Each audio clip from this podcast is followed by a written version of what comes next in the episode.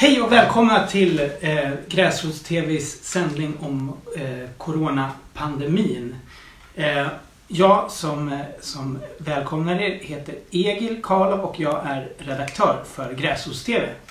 Eh, det händer ju extremt mycket nu eh, i världen och, och det händer saker varenda dag. Och det är väldigt, väldigt mycket som man kan diskutera och reflektera och tänka över. Så därför tänker vi på Gräsrots-TV bli lite mer aktiva Eh, och ja, på olika sätt belysa eh, det som händer. Och, och, om man vill så får man hemskt gärna själv göra eh, filma själv med sin egen kamera och göra inlägg, eh, tycka till om saker, eh, reportage från en aktivitet som man själv är involverad i och skicka det till oss så lägger vi upp det. Ehm, men ikväll så ska vi liksom bara ha en ganska övergripande diskussion eh, över helheten och med mig så har jag Lena Eriksson Höjer som är ordförande för kommunal sektion Stockholm Mitt och också undersköterska va? Eh, och jag har med mig Martin Löv som är ordförande för Vänsterpartiet eh, Årsta Mm. och också aktiv i Vision. Vision. Mm.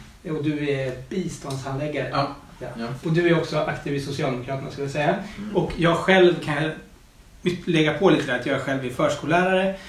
har jobbat många år i- inom förskolan och just nu så är jag masterstudent på eh, Stockholms universitets pedagogiska institution.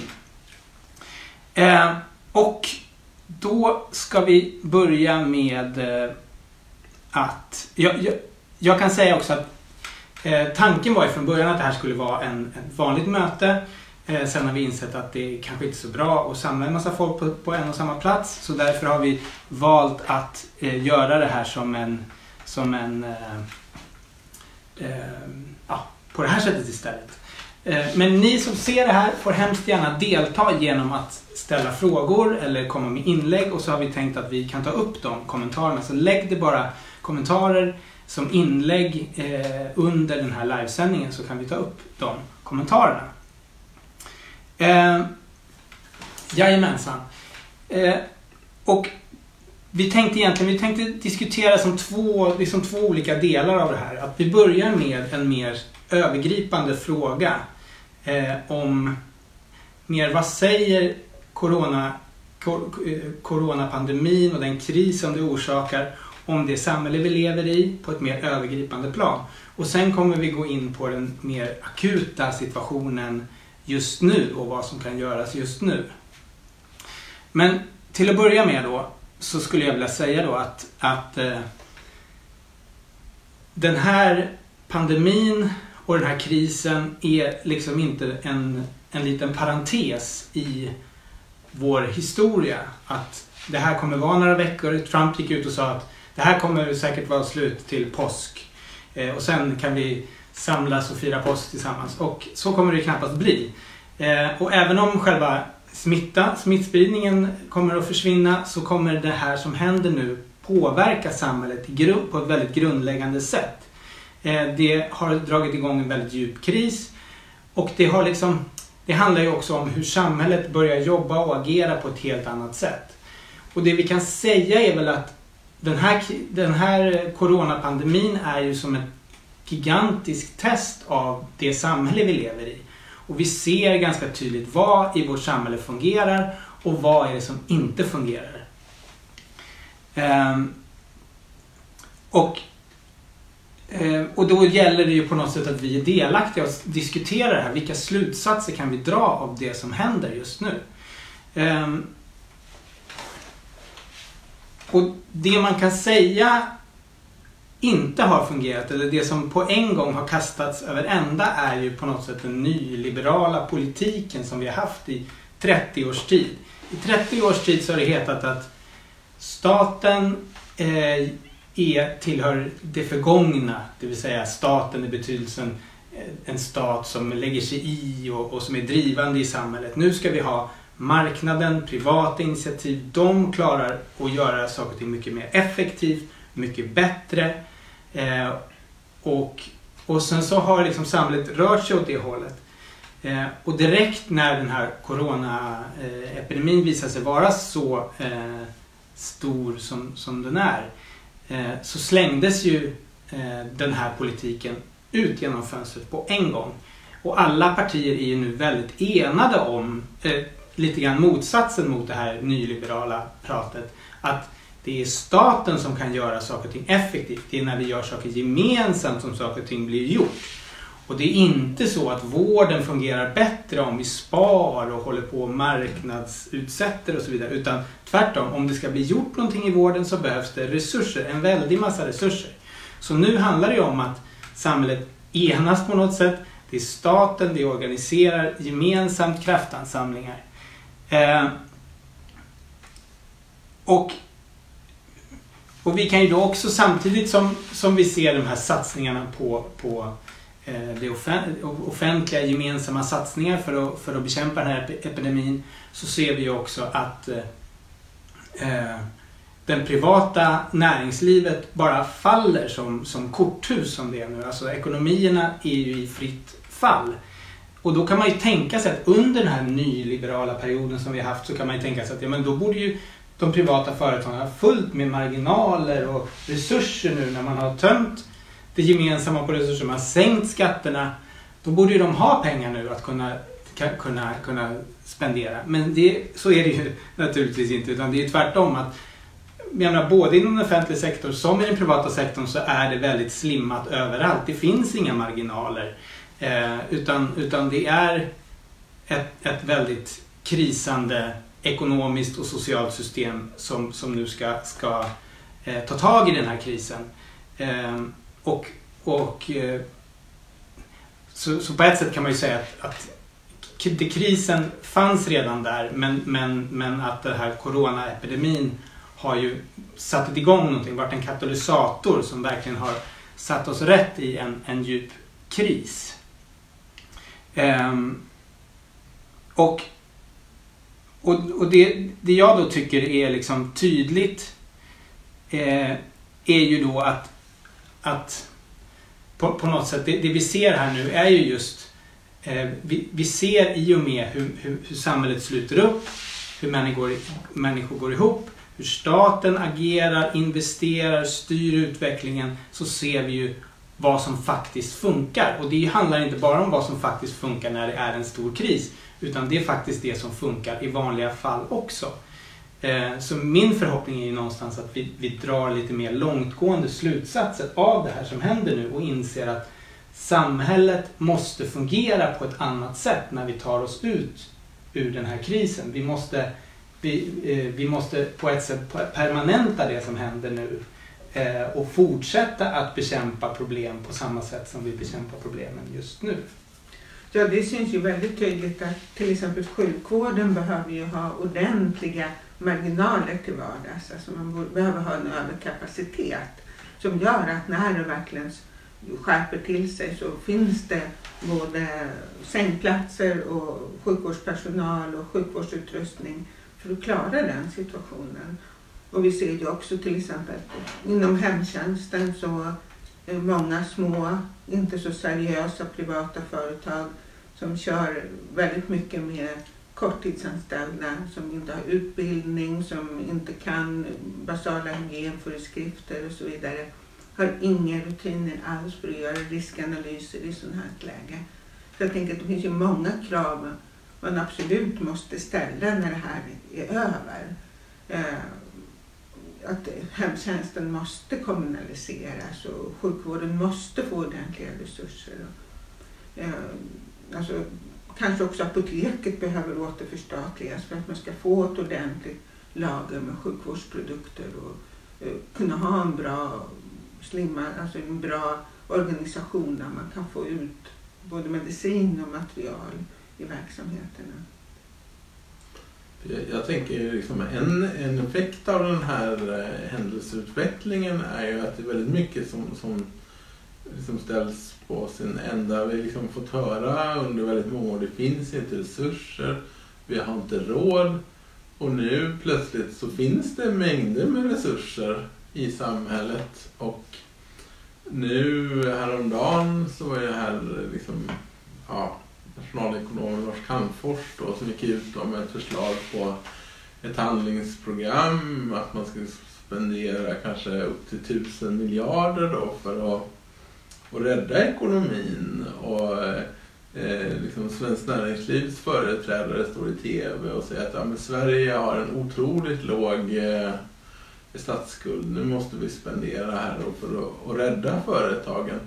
Och eh, det här liksom sluter då liksom, alltså de flesta partier upp bakom liksom. Och nyss fanns det liksom inte resurser till någonting lät det som. Så att jag, jag tror att den här krisen kommer liksom att medföra eh, liksom att väldigt många människor kommer inse att, att saker och ting som de har trott om samhället faktiskt inte stämmer. Och en annan, eh, alltså det är flera olika saker som man har kunnat se som nu då liksom EU nästan bara fallit samman. Liksom plötsligt är de här gränserna viktiga, de olika staterna spelar roll. Och när liksom Italien som är mest drabbad ropar på hjälp så, så, så har de inte fått hjälp från någon annanstans. Utan alla länder ser till sin egen, egna intressen och man vill liksom inte exportera saker som liksom den fria marknaden faller samman. Och det kan man ju se nu med alla flygbolag. Alltså det är ju de, de statliga, alltså de som har flygbolag som är kopplade till en stat som troligtvis kommer att, att klara sig liksom. Medan andra privata riskerar att, att gå under. Så jag tänker även när det gäller transportväsendet så kommer ju då alltså där finns det också goda skäl att, att uh, lyfta behov av statligt ägande och liksom också kontroll över. För att det är en del av infrastrukturen.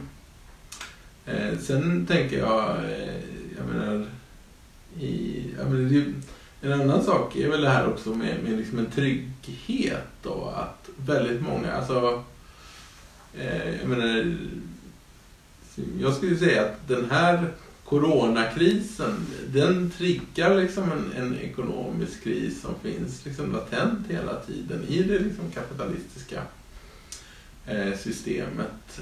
Och eh, det är liksom den här, de här återkommande kriserna är någonting som man, kan, man ser under längre tid. Och många människor har liksom tänkt att jag är trygg, jag jobbar inom en, en säker bransch. eh, liksom, jag kan ta lån, min bostad kommer att öka i värde. Liksom. Men, men så visade det sig att det var inte på det sättet. Och så nu, nu är det ju eh, väldigt viktigt att eh, det blir olika liksom, stödpaket för att trygga alla människors då, inkomst och, och liksom, eh, värdiga levnadsförhållanden flera nivåer. Ja, precis. Och det kommer ju en massa olika krispaket eh, på krispaket nu här.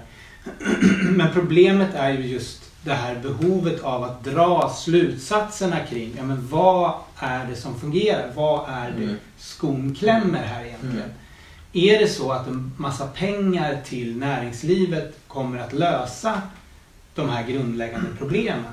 Mm. Och det tror ju inte jag. Eh, utan, utan att det, det är ju eh, på, på, på, något sätt så det vi ser här, jag, jag tycker att, att det blir så väldigt eh, utifrån så Marx så tycker jag att det blir väldigt tydligt hur hans sätt att beskriva problemen i kapitalismen eh, blir väldigt tydliga här. Att, att han har rätt i hur man ser att, att man har ett samhälle som drivs utifrån vinst eh, privata vinster, är det som driver mm. samhället framåt. Mm. Eh, och, och, och det är inte ett hållbart sätt att bedriva mm. ett samhälle. Det är inte ett mm. hållbart sätt att lösa gemensamma problem. Mm. mm.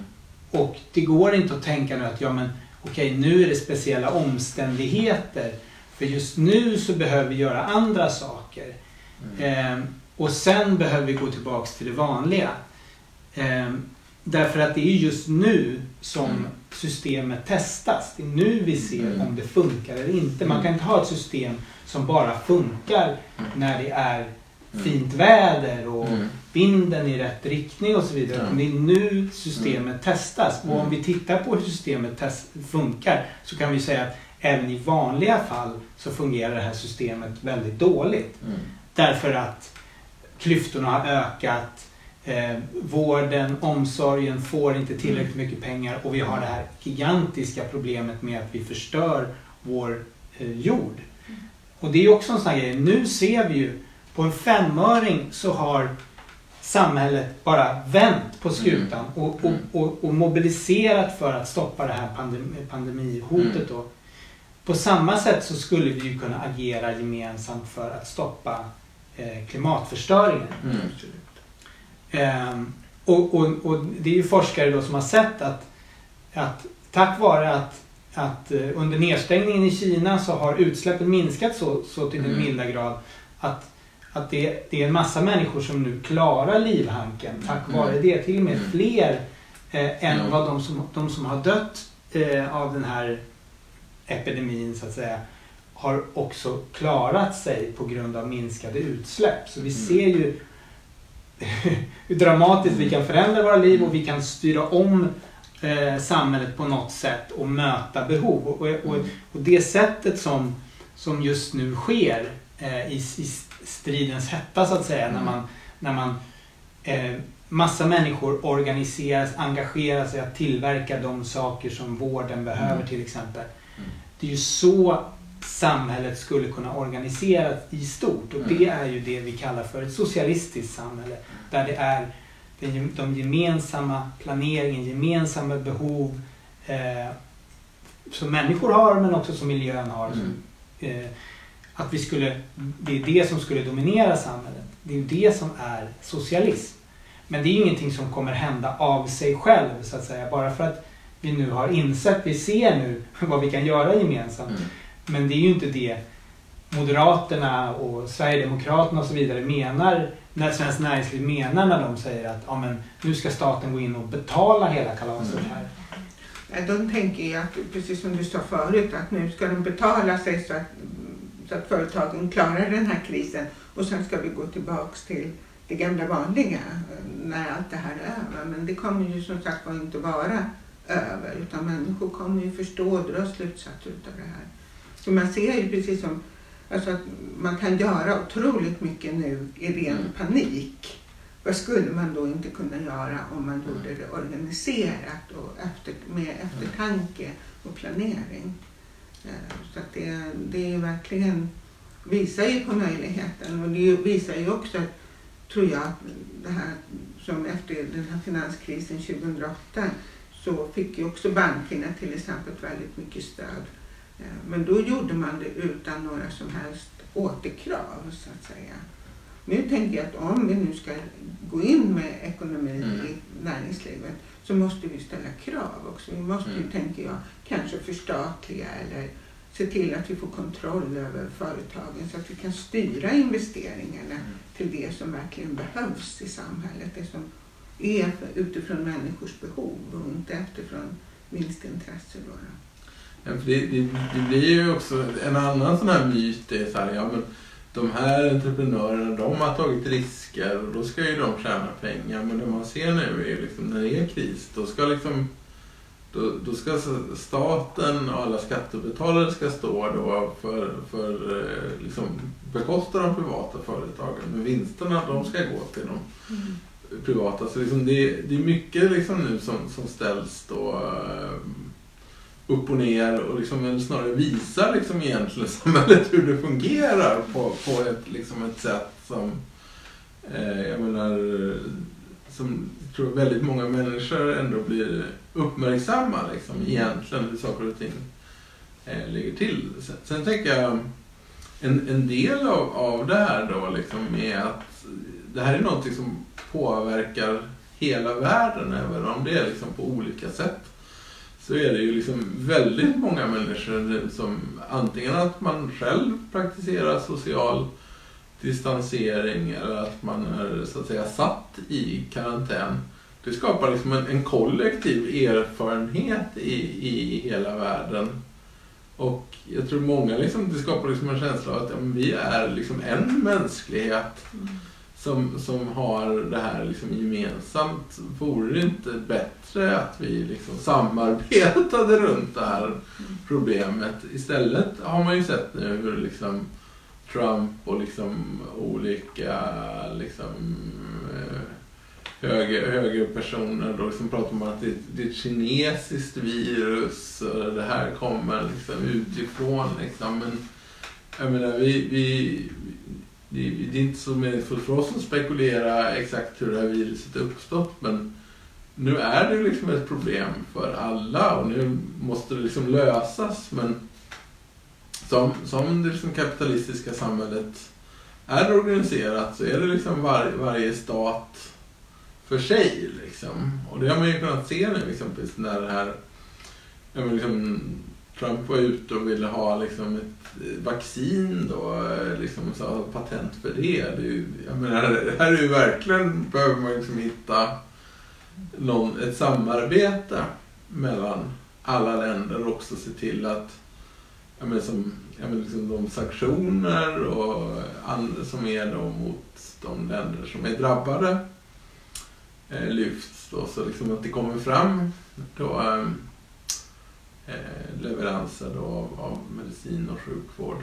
Så att all, alla så här, ja, begränsningar behöver liksom hävas i, i det allmännas intresse. Liksom. Kina var ju väldigt mm. tydliga med mm. att dela med sig av sin kunskap ja. om viruset, mm. hur det, alltså, mm. vilket arvsmassa det hade och mm. vilka reagenser som krävdes för att testa mm. och så vidare. Mm. Och det är så naturligtvis vi måste arbeta. Och, och, jag menar, på tal om Marx så pratar ju han också väldigt mycket om det här hur det kapitalistiska samhället där all produktion blev väldigt socialiserad, att hela samhället liksom hänger ihop. Eh, och det märker man ju verkligen nu. Liksom. Bussarna måste gå för att man ska ta sig till jobbet. Mm. Förskolorna mm. måste finnas där för att folk ska kunna gå och mm. jobba. Och när gränserna stängs och, och varorna inte kan mm. föras fram och tillbaka, då mm. är det väldigt mycket som stoppas och stannas. Mm. Att, att, svenska bilfabriker måste lägga ner därför att man inte får komponenter ifrån andra länder och så vidare. Så att man märker ju verkligen hur hopflätat hela samhället är. Mm. Och det innebär ju att det kan inte skötas av marknadskrafterna utan det behövs en samordning både i varje land och, och naturligtvis eftersom vi lever i en internationell ekonomi så mm. behövs det också samordning mellan länderna. Jag, jag, jag tänker också, eh, apropå Marx, då, om, han pratar ju om eh, alltså konflikten i samhället mellan bruksvärde och bytesvärde som blir mm. väldigt tydlig här nu. Att i, i vanliga fall eh, så är det ju, räknar vi saker och ting i kronor och ören och, och vad är vi mm. värda hela tiden på mm. en marknad. Mm. Men det här blev ju väldigt tydligt nu när man då skulle, säga, man skulle gå ut, man skulle hitta en lista på vilka är liksom de viktiga yrkesrollerna i samhället. För att man ska då kanske stänga ner mm. förskolor mm. och, och skolor för de yngre åldrarna och då behöver man ha vissa personer som inte får vara hemma. Och vilka mm. är de här grupperna som är mm. nyckelgrupperna? Och då skulle man ju i vanliga fall skulle man ju bara säga, ja men det är bara att titta på vilka har högst lön. Det är de som är viktigast i samhället. Då är det klart att det är de, deras barn som ska få passning. Mm. Men det är ju inte så man resonerar. Det är inte bytesvärde vi pratar om nu. Nej. Utan det är bruksvärde. Vad betyder de här människorna i samhället? Ja. Hur viktiga är det här arbetet? Mm. Och då är det ju tvärtom ofta de personerna som har de lägsta lönerna. Eh, mm. Som jobbar inom vården, som, som jobbar inom kollektivtrafik, som jobbar inom förskolan. Det är mm. de som är de viktiga personerna. Och sjukvårdsanställda inte minst. Ja. Jag menar som har kämpat så för att få upp sina löner och för att få drägliga arbetsvillkor. Och där ser man ju hur sjukt att de här varslen som finns i Stockholmsregionen Mm. Att de fortfarande ligger kvar. Jo. I många fall. Uh, och, och, man ser det här att uh, man, man, pratar om det här, vi sitter ju egentligen för nära varandra. man ska ha en och en halv, två meter mellan sig. Och sen kan inte regionen se till att bussarna går så att folk får det utrymmet utan istället står man som packade sillar. Så det är ju verkligen ja, det är mycket som avslöjas här och nu idag. Och det gäller ju, tänker jag då, att det, det kommer liksom inte ske av sig själv. Mm. Att även om partierna drar de här slutsatserna nu så kommer de inte göra det sen. Därför att den här socialismen som man förespråkar är ju, det är ju just det handlar om att man socialiserar kapitalismens misslyckanden och kapitalismens förluster. Mm. De ska hela tiden socialiseras och Ja. göras gemensamma. Mm. Samhället ska inte garantera ägandeförhållanden och, eh, och ett visst ekonomiskt system om Mm. de här ägandeförhållandena och det här vissa ekonomiska Mm. systemet står i vägen för människors Mm. välstånd. Jo, det var ju detta då med aktier, utdelning av, av bankerna liksom. Och att, att nu, nu varnar ju då eh, liksom högerpartierna för att inte dela ut. Och det är ju på något sätt alltså högerpartierna de vill ju liksom rädda kapitalismen från sig själv liksom genom att och vä- vädjar då till bankchefer och eh, Volvo-chefer att ja, men liksom, gör inte bort i det här läget. Mm, Liksom. Och nu, nu kanske man då eh, kommer att hejda det. Liksom. Men, Men det, det är Ja. liksom, det är också det där, det är verkligen haltande typ av politik där, Mm. där den ska skötas genom att man vädjar till Ja. liksom, bankernas eh, Mm. empati eller vad man ska säga, Mm. etik och moral. Det, liksom, det funkar ju inte utan det är ju inte inte på den basen som ett samhälle ska, ska drivas på den nivån. Mm. Och där tänker jag också, jag menar det som man säger med företag, alltså, för, alltså fördelen med privata företag är ju att de tänker marknadsmässigt. De Mm. tänker var kan vi hitta billigaste, mm, ja, enklaste sättet, Mm. billigaste varianterna på att göra det här. Genom, alltså, Mm. De ska ju tjäna pengar, det är ju det vi vill så att säga. De pressar ner priserna. Mm. Eh, men det blir ju ett problem då när man har en ekonomi som inte fungerar av sig själv. Som blir beroende av pengar från staten. Och, och då blir det ju på något sätt, ja vad är billigast för ett, för ett företag i det läget? Ja det är ju att ta emot bidrag. Och, och, och, och inte att investera de pengarna sen. Mm. Utan att sätta dem på börsen kanske eller göra någonting annat. Behålla dem. Därför att det, det ekonomiska läget är så surt nu. Det finns ingen efterfrågan. Och det kommer inte vara det för en lång tid framöver tror jag att det kommer Mm. vara ett väldigt tufft läge. Och då är det inte, även om pengarna får, eh, företagen får pengar i bidrag så är det inte så, så troligt att de pengarna verkligen kommer till någon produktiv nytta utan det leder ju bara till, till inflation. Ehm, och då behövs ju en annan så att säga socialistisk krispolitik som också innebär ändringar i, i ägandet. Mm. Och kontroll över ekonomin. Ja. Men vi ska då gå över till frågan om vad vi ska göra nu för någonting. Alltså mer akut. Och där tycker jag att alltså det är den här eh, motsättningen lite grann där. Å ena sidan så ser vi ju att eh, staten agerar väldigt centraliserat. Eh, och det är det som behövs. Vi behöver nationell samordning, nationell koordination eh, och agerande. Samtidigt så är det ju någonting som kräver allas vårt deltagande på något sätt. Och det är ju en liten utmaning i det här. Vi är ju inte vana eh, till mans att vara engagerade i vårt grannskap eller Mm. vår arbetsplats på Mm. det sättet. Utan vi är mer vana att ja, men vi gör vårt jobb eh, och så vidare. Och nu ska vi... Nu tänker jag att det här kräver på ett annat sätt. Och det, det har ju också skett en explosion av kreativitet Mm. märker man med olika Mm. grupper som, som, som eh, är engagerade att få fram saker till sjukvården. Mm. Såna här eh, 3D-prin- eh, 3D-printa ut såna här visir eh, till sjukvården till exempel. Ehm, Men, men det är också en utmaning. Eh, Så det var det jag tänkte vi skulle prata om. Liksom, Hur, hur gör man konkret nu för att få folk involverade i det här? Liksom, det räcker inte bara med direktiv uppifrån utan det vill också till att folk är aktiva underifrån i det här. Men vi är ju, alltså vi har ju väldigt, vi är ett väldigt föreningstätt eh, land ändå. Många människor, man har gjort en undersökning hur många föreningar varje människa är med i. Det är många fler än vad man tror i genomsnitt. Och jag tänker att det, nu är det ju viktigt att de här föreningarna Eh, som ändå har sina medlemmar och har sin organisation, att de kliver fram och, och tar initiativ. Och det ser man ju som till exempel Hyresgästföreningen har tagit initiativ till att starta sådana här grannskapsprojekt och olika bostadsrättsföreningar, fackföreningar och andra, alltså Röda Korset naturligtvis och, och även andra idrottsföreningar och sånt som tar initiativ och det är ju jätte, jätteviktigt. Och det, man ser ju också att det, finns en väldig frivillighet i samhället. Nu eh, I Stockholms stad där jag jobbar så går man ju ut och efterlyser på frivillig basis eh, medarbetare från till exempel förskolorna som kan tänka sig att gå in i äldreomsorgen. Eh, och I normala fall så skulle det naturligtvis vara ett väldigt motstånd mot att helt byta verksamhetsgren. Men nu är det många som anmäler sig frivilligt. För man förstår att, att det verkligen behövs personal inom äldreomsorgen. Då. Så att mitt i det här som är väldigt eh, jobbigt och mörkt och, och lite skrämmande så finns det också väldigt mycket positivt att människor kliver fram och tar det här ansvaret.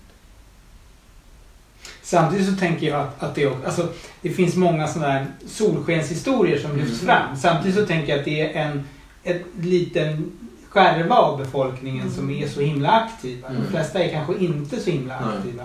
Många är ju kanske isolerade också. Mm. Och, och, och, så tänker jag att det just, ja det är ett, ett föreningssamhälle vi har. Men det är också mycket av föreningsverksamhet som har liksom somnat in. Mm. Liksom att vi är inte så himla vana vid som, som jag till exempel här i mitt bostadsområde så har, så har jag skrivit till, till eh, min bostadsrättsförening och bett dem att kan inte ni på något sätt samordna hjälpen till äldre och folk som behöver vara isolerade här i det här bostadsområdet eller huset då.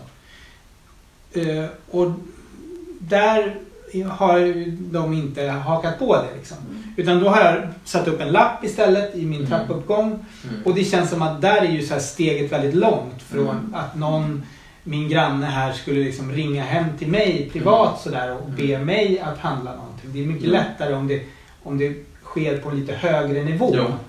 Eh, och det är ju det, det behövs, behövs ju någon slags struktur. Inte bara det här enskilda initiativet utan också den här organiserade formen. Liksom, att, att bostadsrättsföreningar vaknar till. Liksom, att om man har en styrelse som, som, som inte riktigt...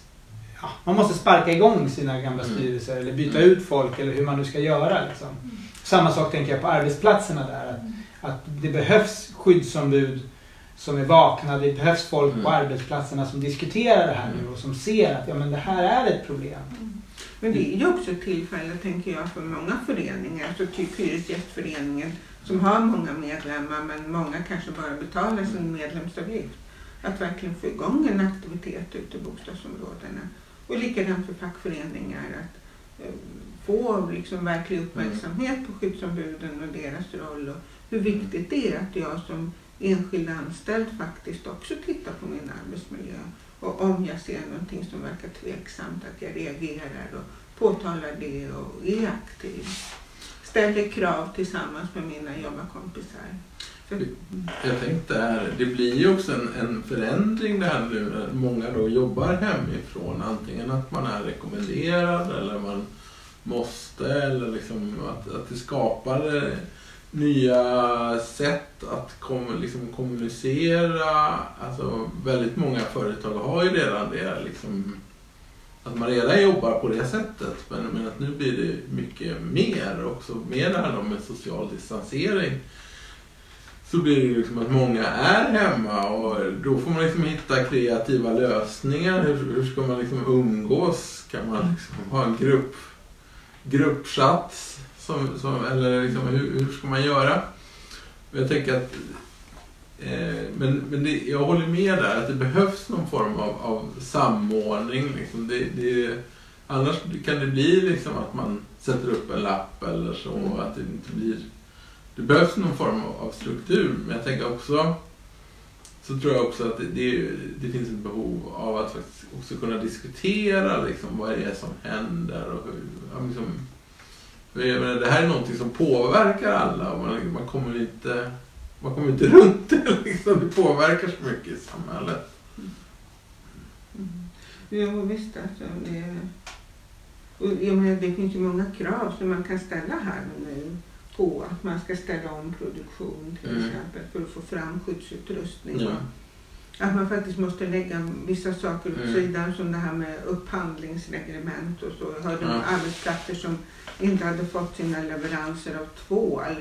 Och då tänkte jag, men herregud, det väl bara gå till närmaste affär Mm. och köpa. Det är klart de måste ha tvål och kunna tvätta sig i dagens läge.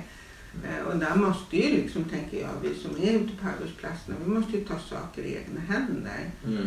Eh, Om inte, man får ju hoppas att cheferna, och det upplever jag faktiskt att Mm. de flesta arbetsgivare också är väldigt måna om att hitta lösningar som fungerar och att man är beredd liksom att ja, lägga re- reglerna Mm. åt sidan för att få saker verkligen att fungera för att skapa största möjliga säkerhet för personalen. För det är naturligtvis en otroligt besvärlig situation just nu Mm. när eh, det saknas till exempel mycket skyddsutrustning.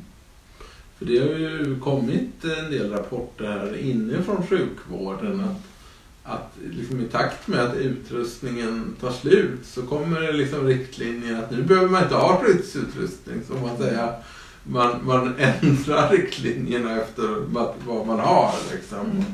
Och det är ju verkligen helt fel. Och det har ju varit ett, ett fenomen man sett i vissa europeiska länder där, där man faktiskt haft då strejker i vissa yrkesgrupper när de inte har fått rätt då, skyddsutrustning. Så att, ja, men här är ju verkligen man ska försvara arbetsmiljön eh, på, på alla nivåer.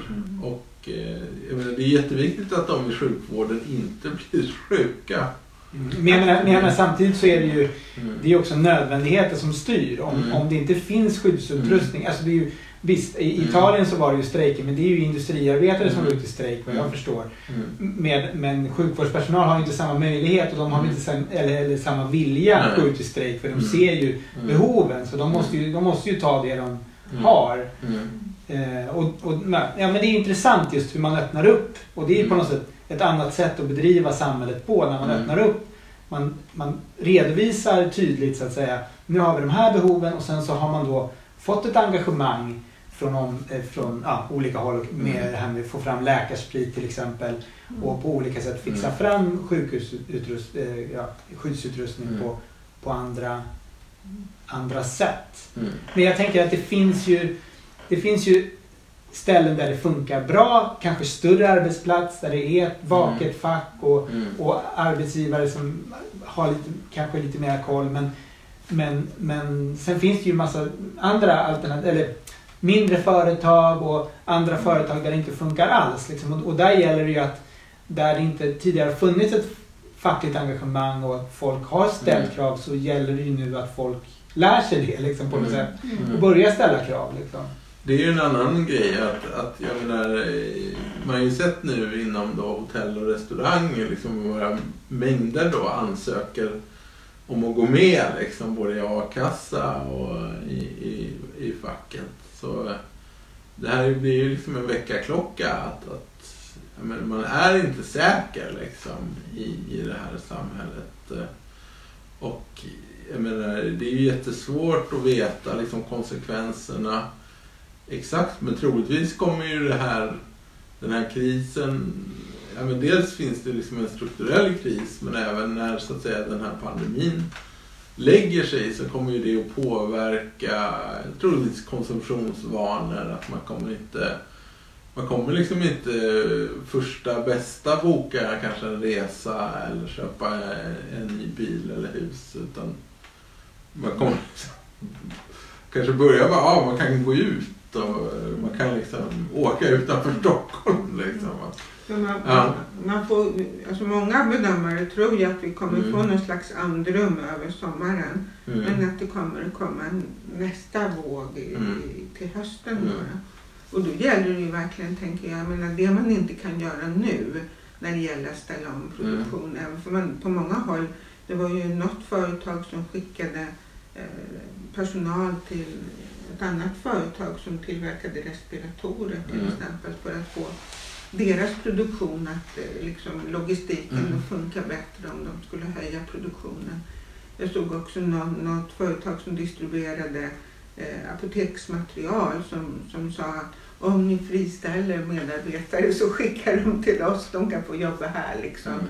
Eh, så jag menar det finns ju säkert möjlighet att ändå få fram mer utrustning om man verkligen trycker på och, och får initiativ till det. Men sen så tänker jag under sommaren så måste man ju verkligen se till att göra allt som bara går för att det till hösten ska vara en väldigt mycket bättre beredskap både på sjukvårdens eh, kapacitet och på utrustning av olika slag.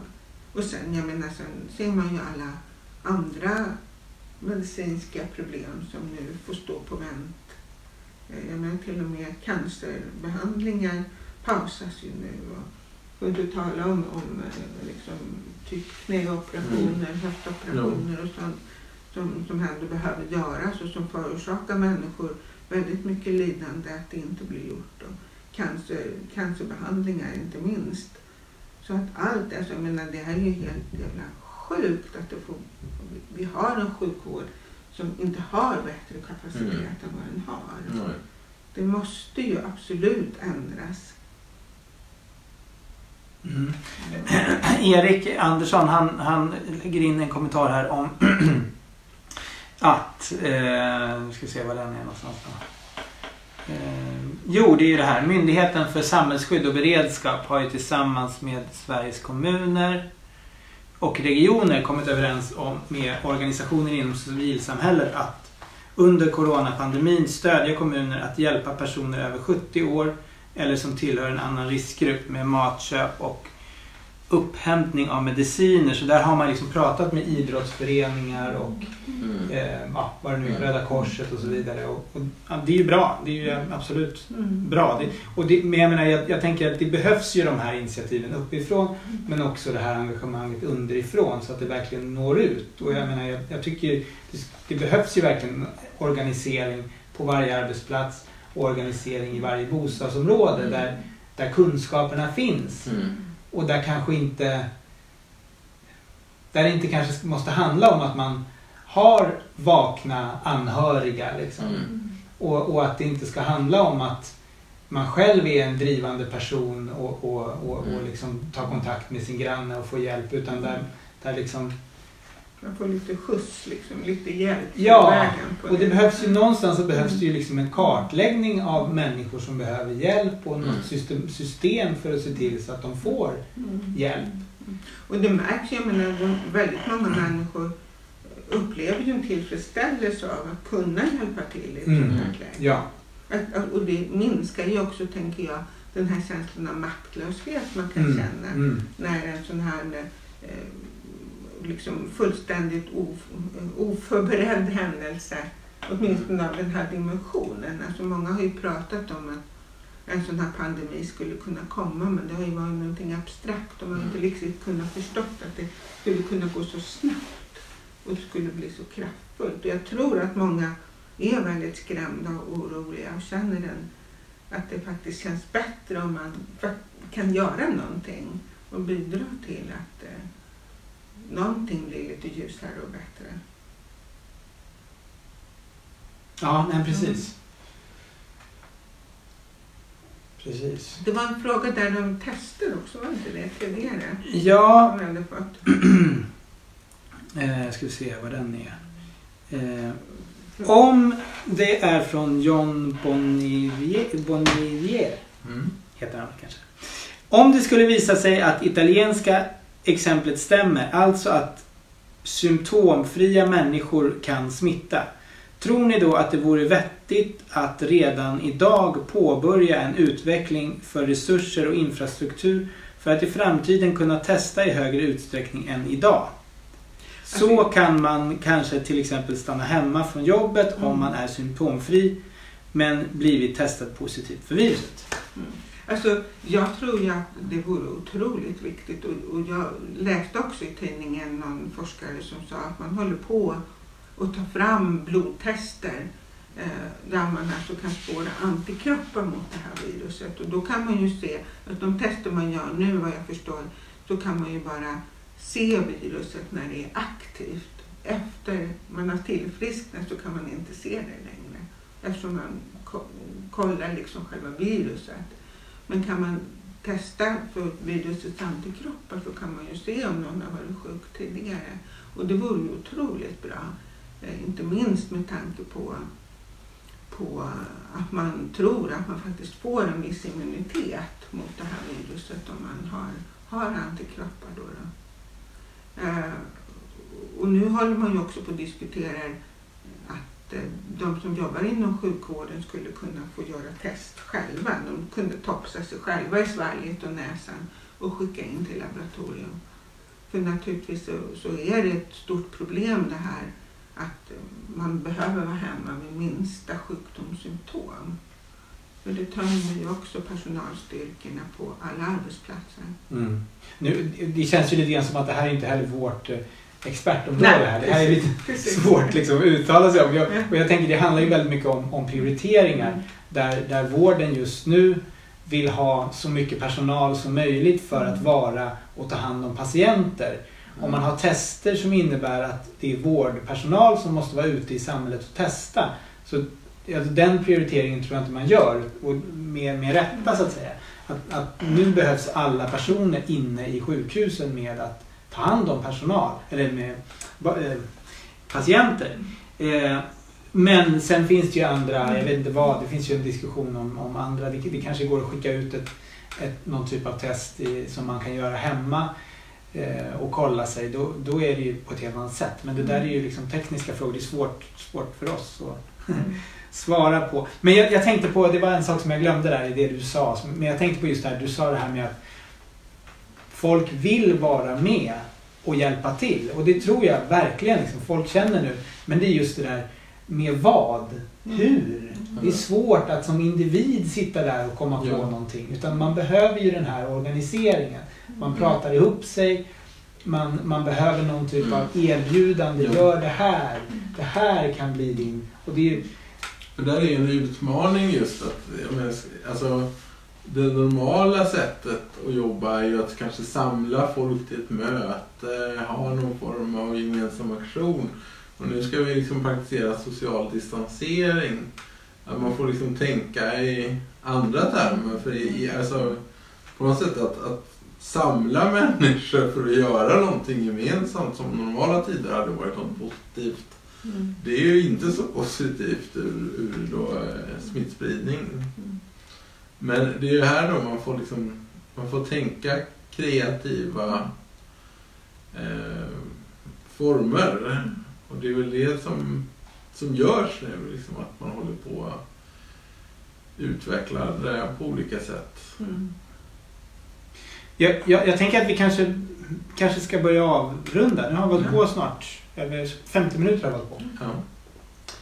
Men jag tycker det var jättetrevligt eh, det här. Ja. Det är lite Ja. ovant för oss att sitta så Ja. här. Nej, precis. Man- känns det är ett möte utan publik. Ja. precis. Mm. Eh, Men, men vi, vi får återkomma tycker jag. Vi kan ju göra det här kanske fler gånger. Ja. Mm. Mm. Och Eh, nu, vi hade ju en del nya ämnen på gång också.